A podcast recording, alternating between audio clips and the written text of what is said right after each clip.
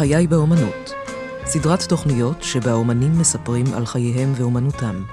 אורחים שלמה ברשבית ויוסי גרבר. מפיקה תמר הראל.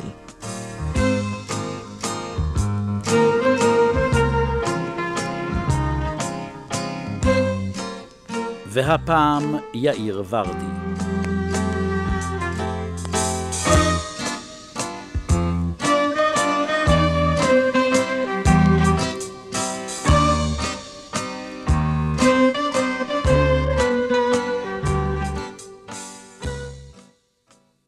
נולדתי בכפר בלום, או ליתר דיוק בטבריה.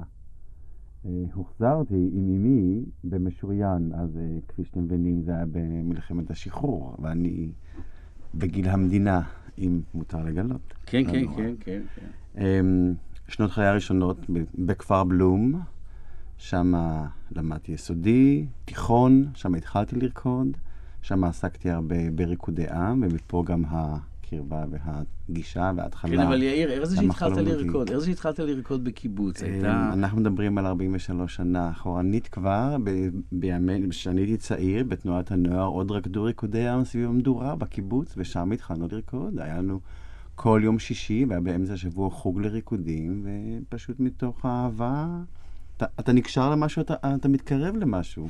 זאת אומרת, הקשר למחול, לתנועה.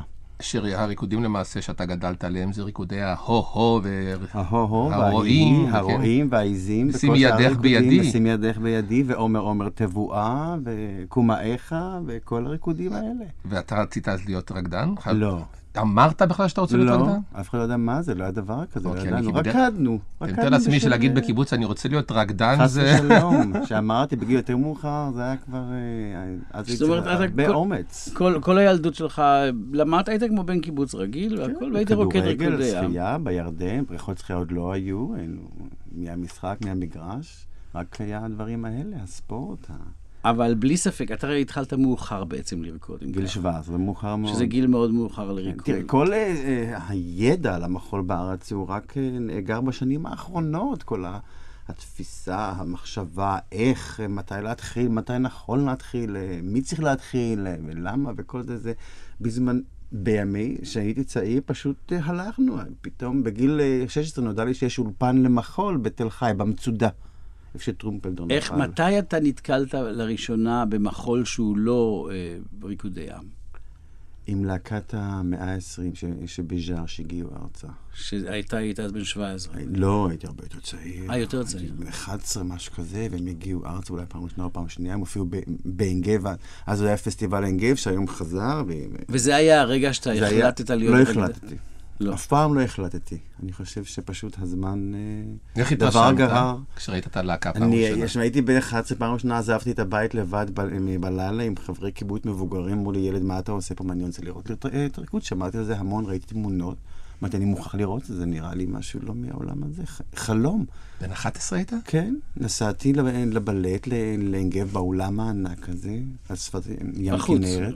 אה, כן. חצי פתוח. פתאום ראית דבר שלא ראית פה קודם. אני ידעתי, שמעתי על מרגוט פונטיין, שמעתי על נורייב, שבו הזמן גם. איתו וכל זה שמעת זה. בכפר בלום? זה שמעתי, כן, בבית. אבא בא מבית, אה, מבית אירופאי, אה, עם חינוך מוזיקלי. גם מוזיקה שמעתי הרבה בבית, זה כן, לזכותם ייאמר. מאיפה- מה המוצא של אבא? מאיפה אבא? אבא מווינה. אז אמא באה נפגשו פה, פה בארץ, בעלייה השנייה. בקיבוץ אפיקים, ואז עלו לכפר בלום. זאת אומרת שהמוסיקה הקלאסית לא הייתה זרה לך. לא הייתה זרה, לא, וגם האופרות, היו הרבה אופרות בבית, הם היו שומעים הרבה מאוד, היינו שומעים הרבה מאוד, היינו מדברים על זה הרבה מאוד. וזה בקיבוץ. זה הכל בקיבוץ. ואתה רואה את בז'אר, ואתה עוד עדיין לא מחליט שאתה רוצה לרקוד. לא, אני לא חושב שאי פעם החלטתי שאני רוצה לרקוד, אני חושב שזה אתה כפי אולי לא שאמרתי, היום אני כבר לא רוקד. לא, לא רוקד, הוא לא החליט, כן. דברים קרו, למזלי, דברים קרו יפה, הייתה התפתחות טבעית לאורך כל הדרך. בוא נלך לאט לאט. אתה ראית בז'אר ואתה חזרת, ניסית, כשחזרת לקיבוץ, ניסית לחקות אותו, ניסית ל... כן, אה. כן, כן, אתה יודע, הרי אצלנו בריקוד הכל מתחיל גם לעבוד מהר מאוד. כן. אז כן, אז אה, מכיוון שהייתי מעורה בכל יצירת האומנות בקיבוץ ובבית ספר, אז החלטתי גם שעכשיו נרים ערב מחול, מה זה? ככה, ראיתי בז'אר, עכשיו אני מרים ערב מחול, צ'יק צ'אק. אז... זאת אומרת, אז כבר היו הניצנים של ניהול מרכז סוזן דלל, כן. כן, אולי ניהול כפר בלום, אני לא יודע. כן. בזמנו עוד רציתי להישאר בקיבוץ. אז אה, פניתי למנהלת המקהלה, והיא אמרה לי, אוקיי, בוא נעשה ערב ביחד, אנחנו נשאיר חצי תוכנית, אתה תרקוד חצי תוכנית. ואז יצרתי יצירה ראשונה לגרשווין. בן כמה היית? הייתי ב- 15 אולי, אה, לא פחות. כן, כן, 15. רקדתי עם שלוש בנות סביבי. אוי ואבוי, מה אמרו החברים שלך?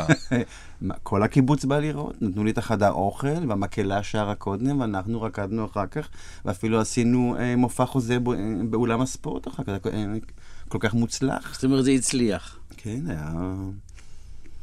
אה, קיבלתי גושפנקה למעשה. ועד אז, מה רצית לעשות כשתהיה גדול? לא ידעתי.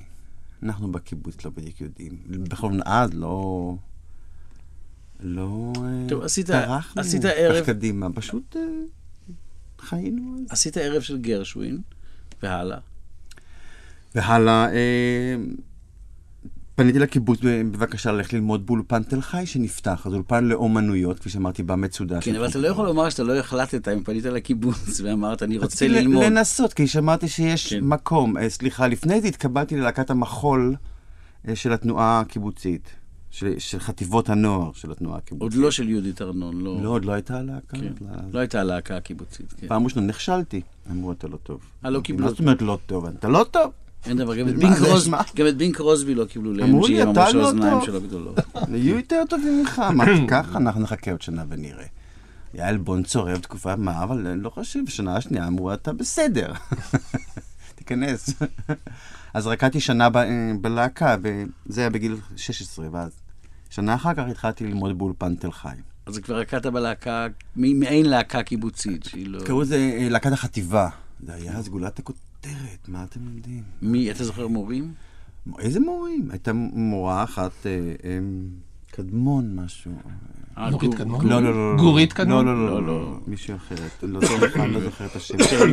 סלחו לי כולם. כן. אה, מי שכן רקדתי היא- היא תמר גורביץ', רקדתי שאנחנו היום הוא... אה, כן, שהיום עוסק באמרגנות. ב- באמרגנות ועוד. כמה, מאפיקים נכון, ועוד כמה. זה, כולם היו ילדי קיבוצים, כולם מהתנועה הקיבוצית, מחטיבת הנוער. גם שלהם עליהם מקיבוץ. איתמר היה כוכב גדול מאוד. אתה יודע שגם בר שביט לא, אני. לא יודע. כן, כן. כן, הלאה. אוקיי, לא חשוב. לא חשוב, התוכנית היא על יאיר ורדי, כן? על בלהקה רקדתי שנה אחת. לא יודע, אחר כך הלהקה התפרקה, לא היה המשכיות, משהו, זה לא עבד, ורקדתי שנה, ואז הלכתי לתל חי. אני מוכרח ללמוד מה זה. באותם שנים קמה להקת בת שבע. ב-63 קמה להקת בת שבע. בלי שאתה ידעת לא, מזה. לא, קמה להקה, וזה היה משהו, לגנו, משהו לגמרי חדש בנוף המחול בארץ. כן, אבל אתה אז לא ידעת מלהקה. לא, הלכת לא- הגיעה ל- להופעות בקיבוץ דפנה, וזה היה... אתה הלכת לראות אותה. מה זה הלכנו? רצנו לראות את זה פעמיים, עם, התפאורות, והתאורה המיוחדת, ו- והרקדנים. טוב, זה היה מרתה גרם. זה הכל מבוסס על עבודותיה של מרתה גרם. כן. זה היה משהו לגמרי חדש, מה זה, וזה מאוד גירה את התיאבון. זה באמת גירה וגירה. ו- ואתה באולפן בינתיים, באולפן אני חי. באולפן התחלתי ללמוד באולפן תל חי עם המורה אריאלה פלד, והיא ראתה שהילד הוא ככה די אמביציוזי, ושווה להשקיע בו יותר מ... זאת אריאלה פלד. אריאלה פלד. איפה היא היום? היא עדיין במשגב עם, ועדיין מלמד באולפן, עושה עבודה נהדרת. אתם בקשרים היום? בקשרים קרובים מאוד, ונורא יפה שהתלמידות שלה עכשיו באות לסוזן דלל להיבחן לבגרות, והנה יושב התלמיד, אחד מהתלמידים, ובוחן את הבנות, והקשר הוא מאוד קרוב, מאוד, ואני רואה את היצירה שמה, ואני נורא גאה בזה, כי גם אני הרגשתי ככה שרקדתי. המון דגש על מוזיקה, המון דגש על הבנה, לא רק על עשייה מכנית של התרגילים, באמת, הרבה מחשבה. וזה תמיד עוד הייתי, היצירתיות שבאריאלה מאוד גירתה אותנו לאורך כל הדרך, ואני חושב שעד היום אני נזכר בזה הרבה פעמים כשאני יוצא, חבל שזה לא מספיק פעמים שבהרגע. ואתה לומד באולפן בתל חי. אני לומד באולפן בחיים ומשלב את י"א וי"ב בב- בבית הספר, כן. ועם הבעיות שעכשיו צצות מדי פעם. אה, יותר מדי זמן באולפן, פחות מדי זמן בבית ספר, צריך גם ללמוד את הבית ספר, צריך להשקיע, את כל זה עברנו. איך הקיבוץ מגיב על הלימודים שלך באולפן, בתל חי? הקיבוץ משלם עבור הלימודים שלי באולפן. זאת אומרת, הם מעודדים. מאוד. כן, בשנה השנייה אני כבר לימדתי באולפן, אז ככה ככה שגם היה רווח כלכלי לקיבוץ. מה למדת באולפן? אז אה, אה, אה, מוזיקה, למדתי מוזיקה. מחול קלאסי, ולא, לא, בלט, לא, או- מחול יצירתי.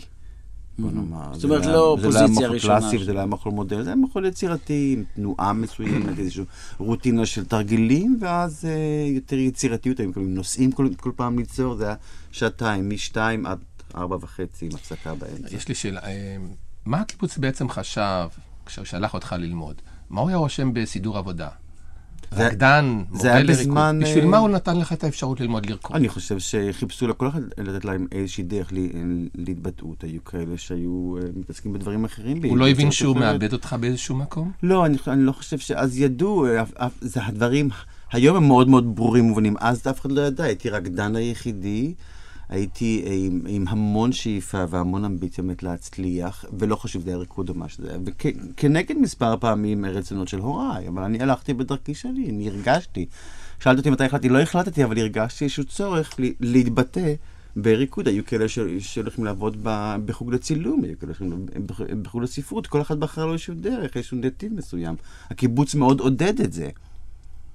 למזלי, היה בי צורך אה, בתקופה, אה, בזמן הרבה יותר מהיר, מה שבאחרים. אחרי שנה כבר ביקשו שאני, שאני, שאני אלמד כי היה חוסר בהוראה. אני לא יודע אם זה טוב, אני לא יודע אם, אם אני. בשל הזה הייתי ללמד, אבל לימדתי כי רציתי. עבדתי ולמדתי תוך כדי הלימוד. לקיבוץ היה אה, מקור לגאווה מסוימת. עכשיו, הגליל הוא, הוא, הוא, אזור די קטן, כולם מכירים אחד את השני, נפגשים הרבה מאוד, והנה אחד בכפר בלום מלמד באולפן מחול, זה מין אה, אה, אה, שעה של... אה, של... אה, את זה? התרוממות רוח. התרוממות רוח כזאת, כן, אה, ו- ו- ולא היו הרבה דברים כאלה. יאיר ורדי, אנחנו מתקרבים בעצם לתקופה שלך, של הצבא, ועד כמה שאני זוכר אותך, בצבא אתה כבר רקדת בלהקת בת שבע. לפני הצבא התקבלתי ללהקה. איך זה קרה? איך זה קרה? אתה אמרת ב-63 שמעתי על הלהקה, ידעתי על הלהקה, אבל לא... ב-66 נסעתי ללהקה, אמרתי, אני פה, אני רוצה לעשות שיעורים, היה להם רגע, בית רגע, ספר לאט לאט, מה פתוח. פירוש נסעת ללהקה? נסעתי לתל אביב, ביקשתי מהבית ספר יום חופש. זאת אומרת, י"ב. הייתה לך החלטה. הייתה החלטה כן. שאני שמעתי שללהקת בת שבע יש בית ספר. אמרתי, אפשר לקבל יום חופש אחד? אמרו לי, בבקשה, סע.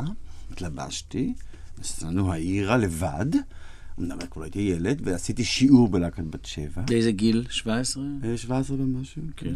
עשיתי שיעור, והנה הודיעו לי שהתקבלתי לבית ספר. זו הייתה להקה, איזו להקה זו הייתה אז? מי- היו אומרת, מי- מי אז היה? מייסדי הלהקה, רינה שפל, משה אפרתי, משה רומנו, רחם ממרון, אהוד בן דוד, זיכרונו לברכה, דני בינסטד, שמעון בראון, גליה גת, רות לרמן, כל מה שאנחנו היום רקדנו אז. זו הייתה הלהקה, כשבת שבע הייתה ממש הלהקה. להיכנס לשם, לבת שבע, זה היה שמע, אתה נכנסת. מי בחן אותך? מי בחן אותי? כולם בחנו אותי, אושר קיים ורינה שפן ורינה גלוק, משה אפרתי, אה, משה ו- וגברת בת שבע ישבה. מה עשית? עשית שיעור? עשינו שיעור, כן, כמה חבר'ה ביחד, עשינו שיעור אחרי הצהריים. ומה אמרו לך? ניגשנו לבחינות, וביקשתי מלגה מלאה, וקיבלתי מלגה מלאה, אבל, גם, אבל, לא יכולתי ליישם אותה, כי הייתי צריך לבוא כל יום לשיעור. עכשיו, לך תיסע. מכפר בלום, בא- באוטובוסים שלי, בכביסים שעד, ארבע וחצי שעות כל, כל יום לשיעור, ואתה עוד בי"ב צריך לגמור בית ספר, אז ביקשתי דחייה למלגה. למלגה, לחצי שנה, לגמור את הבית ספר. קיבלת? אז, קיבלתי, אז התחייבתי שאחר כך אני לשנה שלמה אבוא ללמוד. עברתי העירה לגור בהרצליה, כי הייתי חייב בשנת שירות לתנועה. טוב, בוא לא נדלג על הקיבוץ. זאת אומרת, אתה... לא, לא, זה חלק... כן, אה, באת לקיבוץ ואמרת להם, אני קיבלתי מלגה, או לא אמרת? לא, לא אמרתי שום אה, לא אמרת להם. למה לא אמרת? ידעת שהם לא... לא, זה לא היה חשוב. כן. לא היה חשוב. אני גם, אני, אצלי בראש כבר הכל היה מתוכנן, בדיוק איך זה יעבוד. אני אבקש דחייה שנת שירות מהצבא, אני אעשה שנת שירות לתנועה, אני אוכל לגור בעיר, אני ידעתי איפה אני אגור, ואני ידעתי בדיוק מה אני אעשה, ואני ידעתי שאני ארקוד. לא החלטתי שאני אהיה רקדן, אבל החלטתי שבאותה תקופה אני ארקוד. ובב- בבת שבע, ולא כל יום זוכים במלגות מלאות. היו הרבה שהגישו מלגות מלאות, בבקשה, וקיבלו שליש, רבע. קיבלתי מלגה מלאה, אבל זה גם אומר התחייבות מסוימת כלפי הלהקה. זאת אומרת, ככה זה היה, אתה קיבלת שנת שירות בתל בהרצליה- אביב, ב- בהרצליה. בהרצליה. מה אתה עשית? הדרכת נוער? הדרכתי בתנועת הנוער, כן. דחיתי את הצבא בשנה, ובאותו זמן למדת בבת בב- שבע. בבקרים למדתי, אה, רקדתי כבר, לא, עשיתי שיעורים עם הלהקה כבר גם כן, עם להקת בת שבע. עם להקת בת שבע, ופה קרה, אה, כעבור חודשיים, פנתה אליי אז מנהלת הלהקה, שהייתה ז'נט אורדמן, תקופה כן. קצרה מאוד היא הייתה מנהלת הלהקה. שהיום מנהלת בדור. מנהלת בדור, ואמרה, אולי אתה רוצה להיכנס ללהקה? אז אני אמרתי, עכשיו? כן, תיכנס ותלמד. ומי עבד? עבד גלן טטלי. על עבודת תהילים. לצערנו העבודה לא רצה הרבה זמן. קוריאוגרף, אחד. מהגדולים של המאה אחד הזאת. כן. מהגדולים ביותר שיש. כן. כדאי בכלל לציין שבתקופה ההיא עבדו עם בת שבע גדולי הקוריאוגרפים. גדולים, גדולים מאוד. מה זה? בראשם מרתה גרם. ג'רום רובינס, ייבדל לחיים, גלן טטלי, בריאן מקדונלד, נורמן ווקר, בוב כהן, פרל לנג, מי, מי, הייתה- דון באטלר, כל מי שהיה הביאו ארצה לעבוד איתנו. הייתה גם עבודה של נפלא. חוזה לימון, הוא בעצמו הגיע. חוזה. לימון, הוא לא הגיע כן, ארצה. אבל הייתה עבודה שלו. הייתה עבודה שלו. מי לא הגיע? מי לא עבדנו? היה נפלא, זה היה ככה זרם אחד אחרי השני. טוב, אבל נגיע אליהם, משום שזה יהיה. מאוד מעניין לשמוע לא, לא עליהם. נחת לרגע. זה יהיה מאוד מעניין לשמוע עליהם. אתה הצטרפת ללהקה כעבור חודשיים, זאת אומרת, אתה עדיין לא בצבא ואתה בשנת שירות. לא בצבא שנות שירות, ואני חבר להקה. ומה אמרו בקיבוץ על זה? מקור לגאווה שוב, והנה הילד עשה זאת. מה, הם לא הבינו שאתה עומד לעזוב את הקיבוץ? לא, אני לא חושב שרצית לא, לעזוב. לא, לא חשבתי לעזוב את הקיבוץ. אות- אותה תקופה אמרתי, אני אשתדל למצות מה שאני יכול מאותה תקופה. אני- לרקוד רציתי, לבת שבע נכנסתי, מי לא רוצה להיכנס לבת שבע? כולם רצו להיכנס לבת שבע.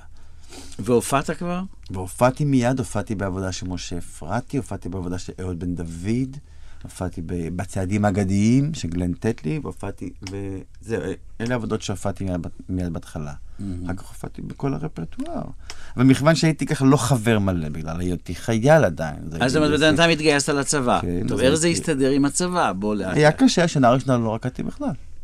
שנה שלמה לא. עד כמה שאני זוכר, היית בחיל קרבי, נדמה לי. הייתי, לא נחלאי, אבל נחלאי היו קרביים גם כן. עשיתי טירונות ועשיתי קורס מ- מ- מפקדי כיתות, מ"כים, והתחלתי להדריך. שנה שלמה לא רקדתי, אחר כך חזרתי לאט לאט.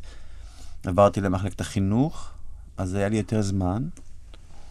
שילבתי הוראה, הם, אה, אה, עבוד, את הצבא עם קצת אה, שיעורים. אתה רקדת בזמן הצבא, רקדתי בזמן הצבא, כן. והצבא נתן לך לרקוד. הצבא אפשר לי להכל, ראו בזה דבר מאוד חינוכי. והיה, והיה לי זמן, הכל היה בזמני הפנוי. מהי השנה אז? 71? שנה היא 71. 70, 71? ואתה בצבא, ואתה רוקד.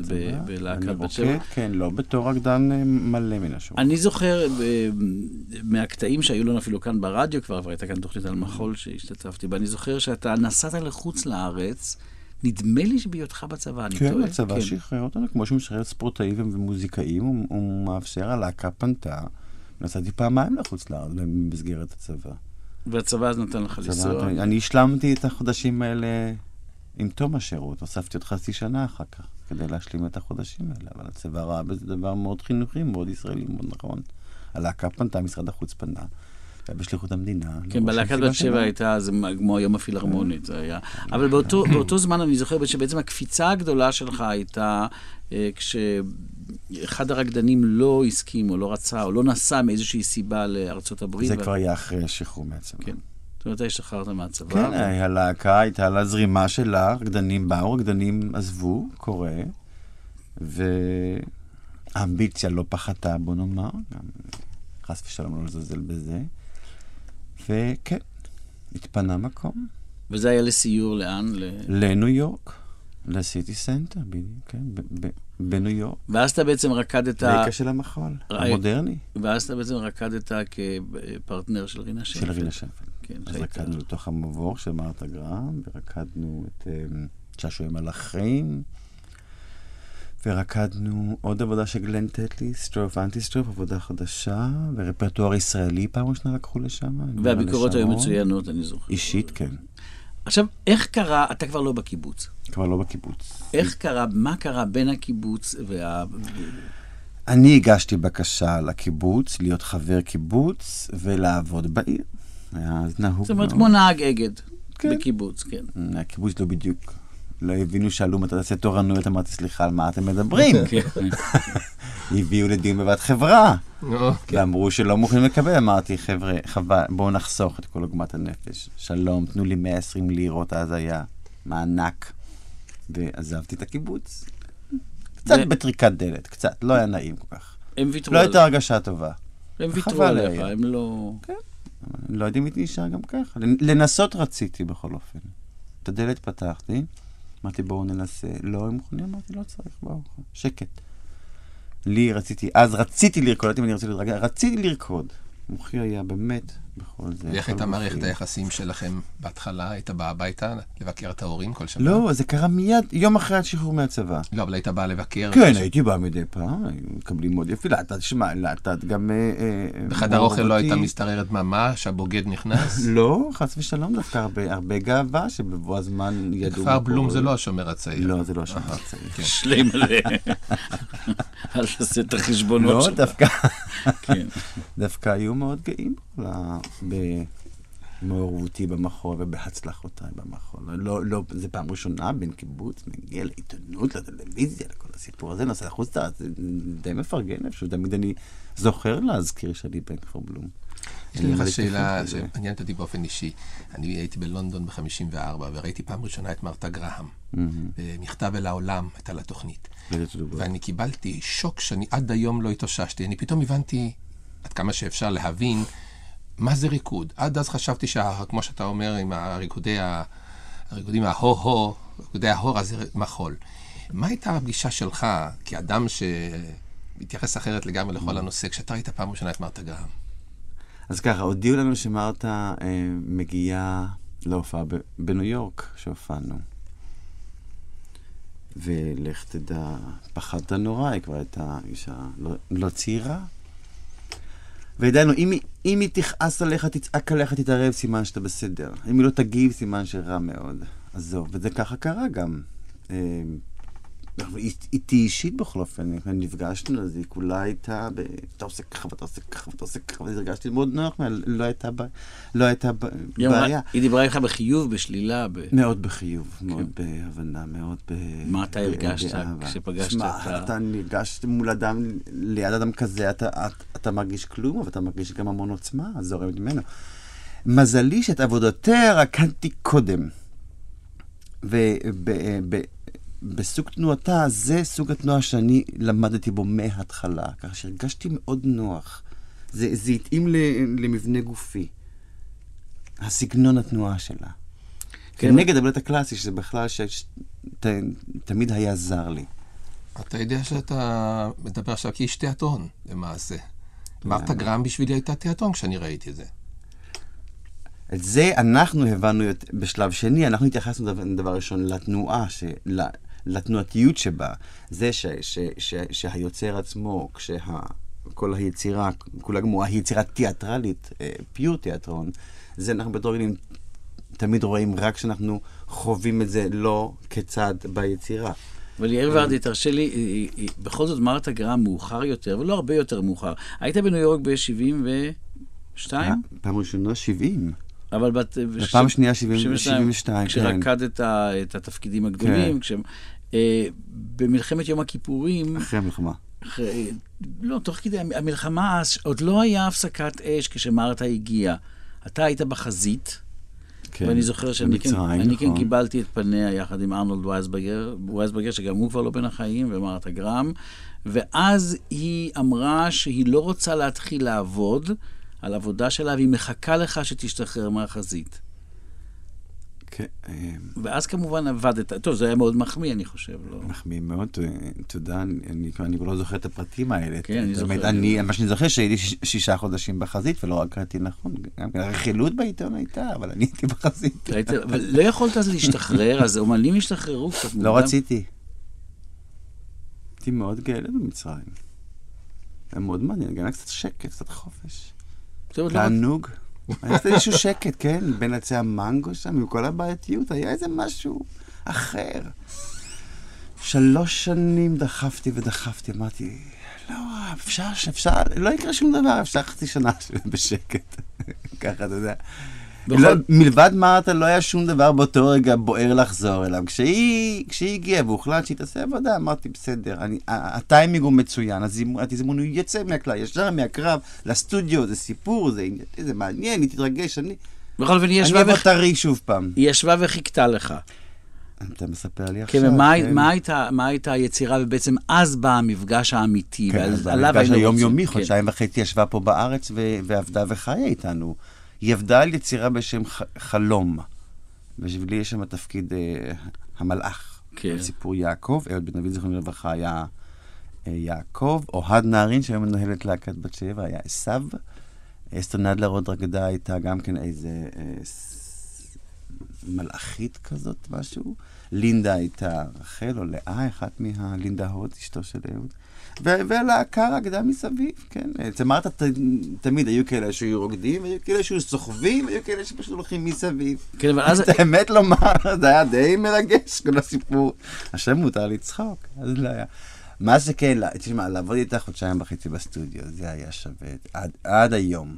והרגעים האלה עדיין זכורים לי כל כך טוב, שהיא ביקשה ממני שאני ארד upside down עם הראש למטה מסולם, יעקב אמרתי לה, מה? היא אומרת, זה יפה, אמרתי, אני לא מוכן.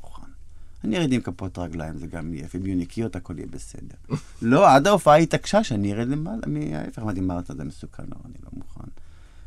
אבל איך היית מצייר עכשיו, בשבילי, בשביל המאזינים, בשבילנו כאן, פורטרט של איש גדול, אדם ענק. נראית ענק. אני, אני לא חושב ש. שאפשר לצייר פורטרט, אני לא חושב שיהיה נכון. אה, אמנם אה, נפגשתי איתה מספר פעמים אחר כך, באמת נוצר בינינו קשר מאוד מאוד עמוק, היא מאוד אהבה אותי, לשמחתי הרבה, למזלי גם.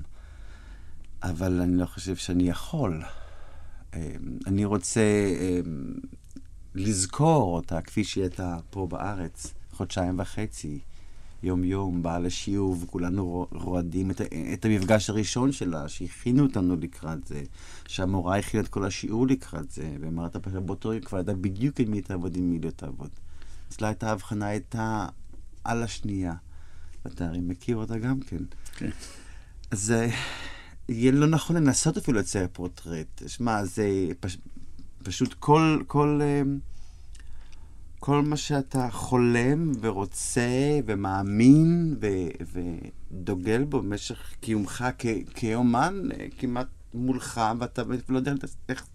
אבל מצד שני, זה, גם הופך למין אה, אה, דבר מובן מאליו ויומיומי. לראות את היום-יום בסטודיו, לבוא איתה בערב אחר כך באיזה מסעדה ולצחוק איתה, או אצלה בבית המלון, זה פתאום אה, נהפך מאוד אנוש. ממך, זה, זה, אתה לא מבין איך זה קורה, ואתה אומר, זה, זה לעד, והנה בא יום וזה נגמר, ואתה... היא הייתה מאוד אנושית. מאוד חמה, מאוד, מאוד פשוטה. מאוד פשוטה. אני נכנסתי ללכת, תוריד נעליים, דבר ראשון, הכי נוח. תאמין לי, לא חשוב איזה יש ריח. תוריד נעליים, תר, ת, תרגיש נוח. שתהיה על בסיס מוצק. אה, הדברים הקטנים האלה שעשו אותך ממש... אה, אה, בן, או... קשה להגדיר את זה, והיום כשאומרים, הודיעו, מרתה גרם נפטרה, כן, אה, זה, זה, לכמה מאיתנו זה הרבה יותר מזה. אני גם לא חושב, אני לא חושב שאנחנו מעכלים את זה עדיין, תקופה נגמרה. תקופה שאנחנו ממנה צמחנו. בה, צמחנו, בגללה צמחנו.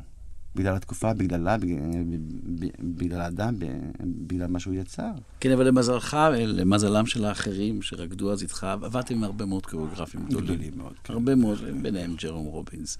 הרבה מאוד קוריאוגרפים גדולים. בכל זאת אתה קם ועוזב את להקת בת שבע, למה? שינוי הוא דבר נורא חיובי תמיד. נורא נורא חשוב. ת, תמיד הייתי חסר שקט, חסר מנוחה, הייתי מוכן לדעת. תמיד הייתי מתמרד, תמיד היה לי מה להגיד, תמיד רציתי לשנות הכל, לזרוק את כולם, להעיף את כולם, רק מה שאני חושב שזה נכון. לא בדיוק, אבל אה, היה מין, מין חוסר שקט, מין הפחד של, שלא נספיק שום דבר. מחול זה צורת, אה, ריקוד זה צורת חיים כל, כל כך קצרה. עזבת והלכת לאן? עזרתי פעם ראשונה לבדור וחזרתי לבת שבע, היה הריב הגדול, איחוד הלהקות, אמרתי בואו נלך יותר להקות, אמרו לי לא, אמרתי שלום, אני עוזב, אחר כך נחזור, אני אחזור, וחזרתי, ו...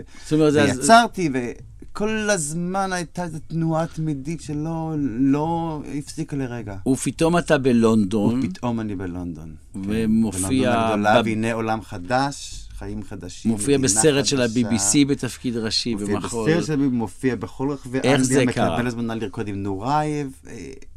איך זה קרה? עבודה, התמדה, קצת כישרון גם, אבל-. אבל באופן מעשי, מה קרה? באופן מעשי הוזמנתי לידי בלט רמבר. בא כריסטופר ברוס לעבוד בארץ. שהיה אז מנהל להקה, לא הוזמנתי ב- ברמבר, הוא יצר עבודה בשם הגן האכזר על חייו של לורקה, הוא נתן לי את תפקיד השור, תפקיד המוות, תפקיד המשטר. וזו הייתה הצלחה עצומה. זה נוצר ביחד עם לינזי קמפ ורלף קוטאי, אז אתה צריך שלושה שמות כאלה. רלף קוטאי, התפורן. התפורן עשה, וקרלוס מירנדה, שיש רק לפני שנה בארץ לעשות את חתונת להבימה, כן. המוזיקה בבימה. כתב את המוזיקה. זו הייתה ההפקה היוקרה של בית רמבר לפני... אני ראיתי אותה בעמידה, דרך אגב, ולא אי אפשר היה להשיג כרטיסים, אני ראיתי אותה בעמידה, ויאיר ורדי מישראל רוקד תפקיד ראשי. וזה הסתובב ארבע שנים בלונד... באנגליה. אחרי ארבע שנים הוחלט להנציח את זה בסרט של ה-BBC. וכמובן מילה כריסטופר ברוס רקד את הפורט, את לא רק, ואני תפקיד שרקדנו ביחד ארבע שנים. די מרגש להנציח את זה. בוא, הייתי רוצה לעבור ל, לרגע, הזמן מאוד לוחץ, אבל הייתי רוצה לעבור לרגע למפגש שלך עם נורייב, אבל לאתנחתה מוזיקלית, נשמיע קצת מוזיקה שלא שייכת לעולם שלך, ובכל זאת אתה רקדת בעולם הזה של נורייב, המוסיקה הקלאסית.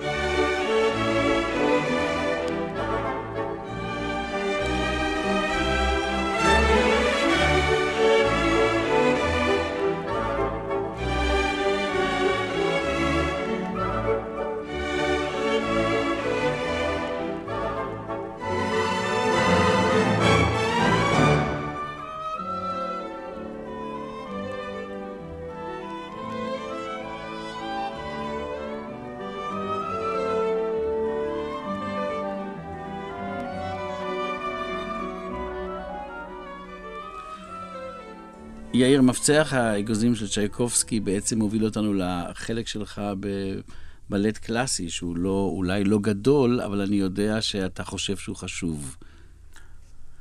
חשוב לדעת, חשוב להתנסות, ח, ח, חשוב לתרגל את אותה טכניקה קלאסית, כי היא הטכניקה שמחזיקה אותנו, נכון? ממנה יוצאים כל שאר הדברים. אלה דברים שמרתה גרם הודתה בהם רק בגיל מאוחר יותר. כן, בהתחלה היה אסור להזכיר את המילה בלט קלאסי, אבל אחר כך לך תעשה שיעור קלאסי, ואז אתה תעשה שיעור שלי, כי אז הגוף מוכן באמת לרקוד. אצלה השיעור כבר היה צריך לבוא מוכן לרקוד, זה לא להתחיל להתחמם בכל הסיפור. ו- וכך גם, גם נכון הדבר, וחבל שהיום, כשאני רואה מה שקורה בארץ, עם כל הריקוד וזה, חבר'ה לא חושבים ככה. צריך לבוא שעה קודם, להתחמם לבד, ואז להתחיל את השיעור כמו שצריך, מן, מן ההתחלה. מה היית רוצה שיקרה בארץ? איך אתה היית רואה בעצם? אנחנו גם גולשים כאן. אנחנו גולשים, אבל נגמור עם נוראי, אבל נחזור רגע לישראל. טוב, היה לך פרק עם נוראיה בבלט הקלאסי, שזה הפרק שבו אתה, היו מודעות בכל העולם, נוראיה וחברים, עם יאיר ורדי. כן, הוזמנתי. כן. גם יאיר ורדי. כן.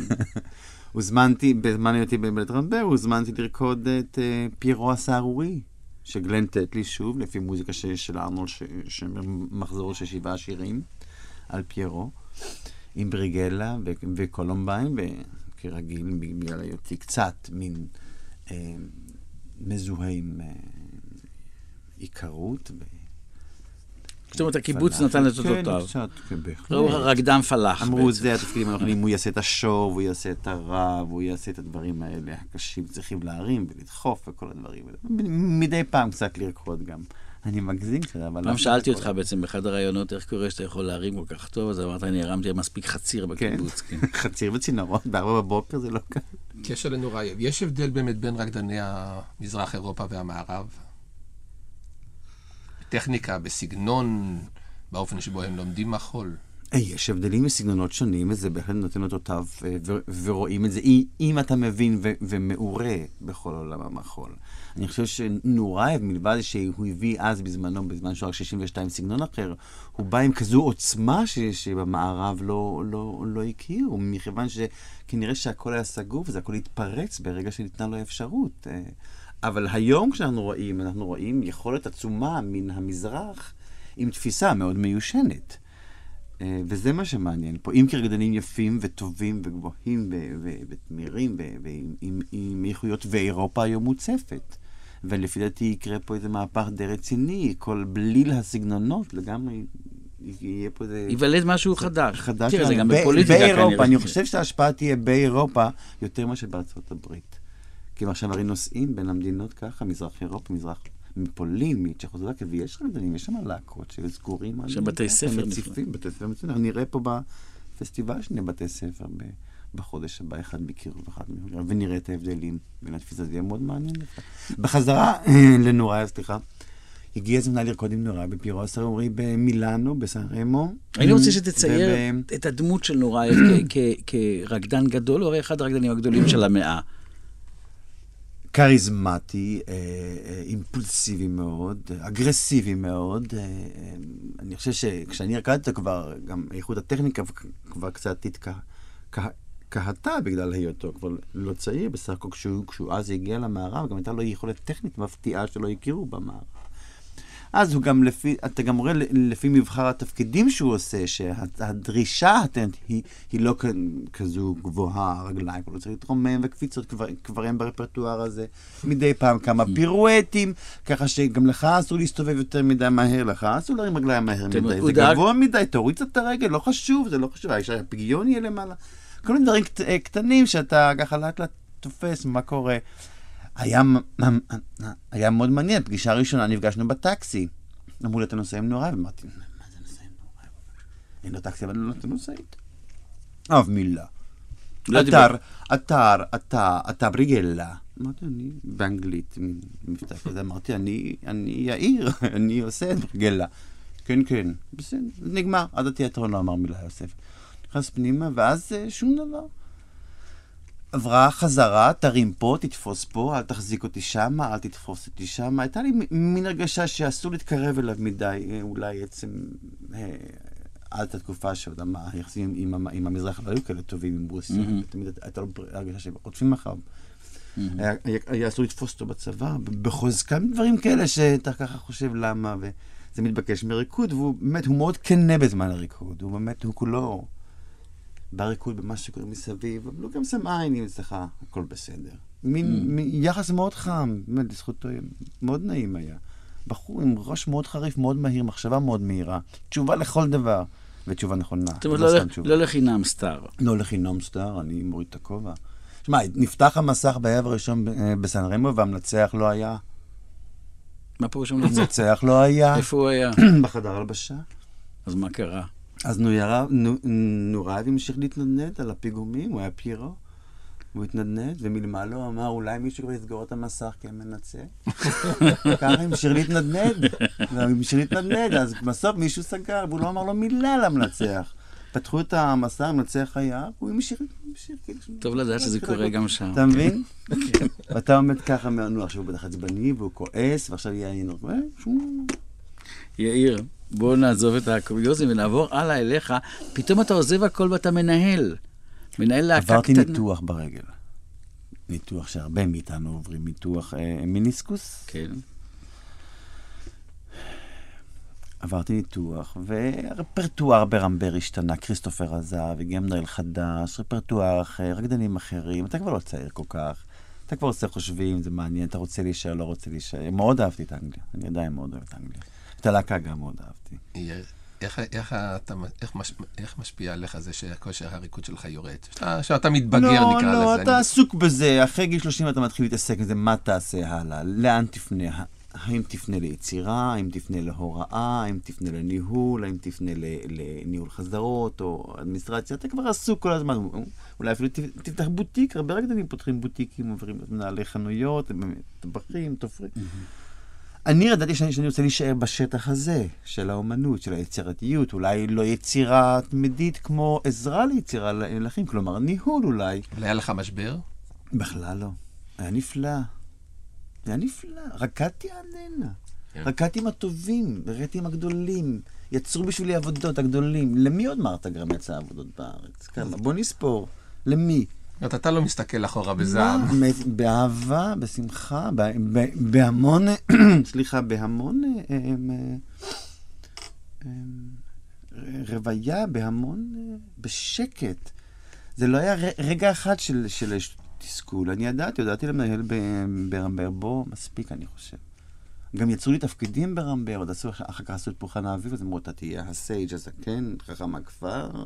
אז פשוט הלכתי על הבמה, וכולם עבדו נורא קשה, את הפולחן האביב, הרי זה, התיבות מתפוצצות חמש וארבע ותשע וחמש, וכולם עבדו ועבדו, ואני, ואני פשוט הלכתי, והאור רק עליי. תמיד באמצע הבמה, בראבו, מוחאים כפיים, למחרת בעיתונות, ה Sage, ואחר כך השעה, נפלא, מה זה רע? היא יכולה להמשיך עוד, עוד, עוד חמש שנים? אמרתי, זה, זה, זה לא נכון. נמשיך הלאה. אבל הפכת, לא היה למנ... משבר לרגע. הפכת למנהל של להקה קטנה בדרלינגטון, כן. באנגליה. למה. לא ליישם את כל מה שאתה כל הזמן צועק ורוגז ורוצה ומאמין, והנה, קיבלת עכשיו, תעשה אתה, נראה. אחר כך אתה- נפלאה. כן, המ- המון דברים. אחר כך אתה עובר לניו קאסל, עיר גדולה. גדולה, מיליון וחצי-. תושבים. ואתה מקים מרכז, שאני מרכז הייתי למחול, במקרה שם ב- נכון, מרכז בפתיחה. למחול עם בית ספר, עם להקה קטנה, אמנם שמונה איש, לפעמים שישה איש, אבל הופענו כמו, אני לא יודע, אבל 120 למ- הופעות בשנה. אבל למה אתה עוזב? מנהל להקה מצוינת, מרכז לתפארת, ואתה קם ונוסע לישראל לא עם- יודע, עם האישה לפני- והילדה כבר, או לפני לא? לא, הילדה 20 נולדה כאן. עם האישה, אמרתי לפני 20 דקות, אה, תמיד היה איזה חוסר, אני לא יותר משלוש-ארבע שנים. בשום מקום. אני לא, לא זכור לי שנשארתי יותר. רמבר היה הכי הרבה, היה שש שנים. היה הרבה. אהבתי את זה מאוד. זאת אומרת, אחרי עשר שנים באנגליה אתה מחליט לבוא... 12 ל- שנה. 12 שנה. כן, אתה החלטנו לחזור, לא יודע למה. אתה לא יודע למה. לא יודע למה. אתה אומר את זה היום. אני אומר את זה, גם אז לא אמרתי, אני לא יודע למה אני חוזר. אני זוכר ששוחחתי עם הרבה חיים, עם ידידיי, הרגשתי צורך לחזור, הרגשתי שאולי יקרו דברים בארץ. הרגשתי צורך, אני לא יודע למה. סטלה מאוד רצתה, אשתי מאוד רצתה לבוא, סקרן אותה, עניין אותה. באנגליה עזבתי את- הלהקה, אמרתי, מוכר איזה שינוי. חזרנו לכלום, לא חזרתי, לא היה לי עבודה, לא היה מרכז סטודנט דלל. מה שרציתי לא היה. כל התפקידים היו מלאים באנשים. מה היית, מה רצית לעשות? רצית משהו לעשות מיוחד? רציתי לנהל, בטח. מה, חזרתי מחוץ לארץ, מה אתה יודע? רצית 12 לנהל? לא רציתי ליצור? קצת ליצור, רציתי לנהל.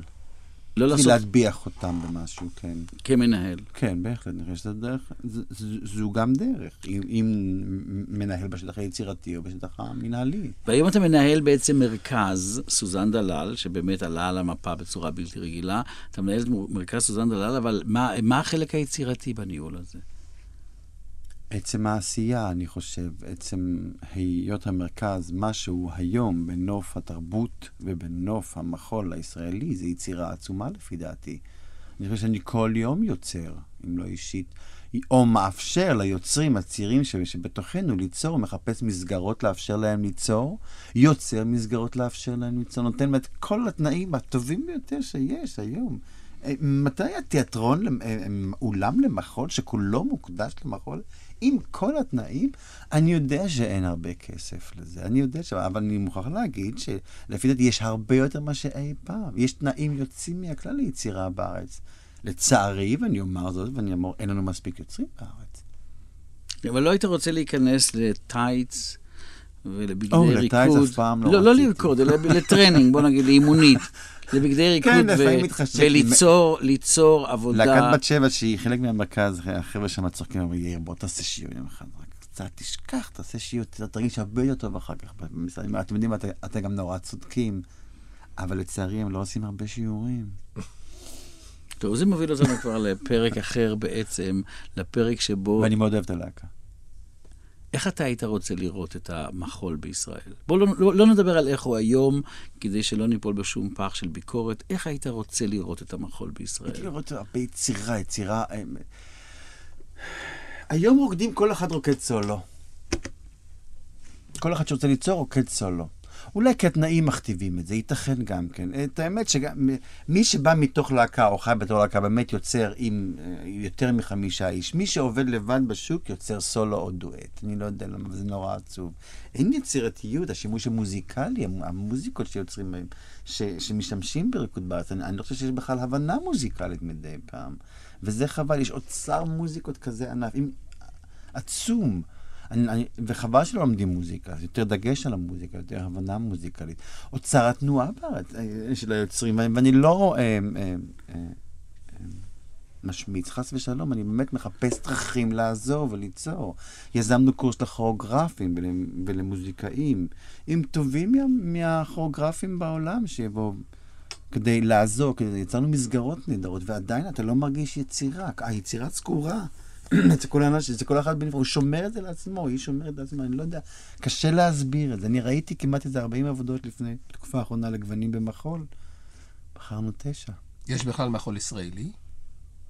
יש מחול של יוצרים שנולדו בארץ, אם זה, זה נקרא מחול ישראלי, זה מחול ישראלי? יש. אה, מעשית, יש. עד כמה הוא טוב, על זה אפשר להתווכח הרבה מאוד. יש יצירה, יש הרבה... בסוזן דלל לא האמנו שיהיו לנו איזה 300 מופעים של מחול, ומחול גם חדש. לא חשבתי להקות ובודדים, אבל 300 מופעים בשנה של מחול, זה 365 ימים בשנה? זה המון. מי האמין? דיברנו על 80 בהתחלה. יאיר ורדימי, להאזין, יצירה. להאזין לשיחה איתך, אתה אומר כל ארבע, חמש, שש שנים אתה חייב לשנות, לקפוץ, ובינתיים מתקדמים עם הגיל. האם היית אומר שעכשיו תקפוץ או תרחיב? האם סוזן דלל זוהי תחנה, או האם זהו מקום שבו תתמקם סוזן ותרחיב? דלל, אני חושב ש... אני אשאר יותר, אני מקווה, שום דבר, אני לא- אני רוצה. כן. אני חושב שאנחנו בראשית הדרך. אמ, לא... אבל גם ארבע שנים זה הרבה זמן. הרבה זמן, ארבע זאת שנים. אומרת, אתה לא מוכן להתנבא היום. אני לא רואה שום סיבה. הייתי רוצה שהמרכז יתפתח עוד יותר, אה, אה, אה, יהפוך בתוכו את כל היצירת המחול שבנווה צדק. המבין יבין לכוונותיי. אני חושב שזו הדרך הנכונה. אולי ב, ביצירת גוש מרכזי, תהיה יותר יצירה, יותר תנופה, יותר משאבים. בוא נלך להשקפת עולם בעניין המחול. לו, שאלה היפותטית, לו היית מנהל של להקה, איך היית בונה אותה? מה היית עושה בה? בקיצור, במשפט או שניים. קשה. קשה מאוד. אתה נתון לכל כך הרבה, אה, אמ, לכל כך הרבה אה, תכתיבים. אה, אסור לנבא. אתה חייב לחיות את זה איך שזה קורה, עם הזמן. להרגיש את זה מבפנים. אם אתה נותן את האפשרות, אני... קשה להגיד. כל להקה זה סיפור אחר, כל בן אדם הוא אחר, כל, כל גוף מגיב אחרת. אה, ואתה חייב לחוש את זה וליצור ו- ולהתייחס לזה כפי שזה קורה, איך שזה קורה, עם, אותו, עם אותה טבעיות של אותו חומר.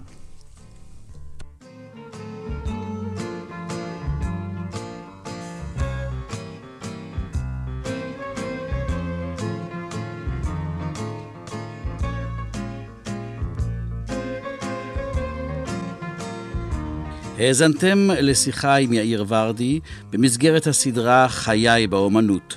תוכנית בה אומנים מספרים על חייהם ואומנותם. אורחים שלמה בר שביט ויוסי גרבר, מפיקה תמר הראל, פיקוח טכני יעקב פרוינד. חיי באומנות.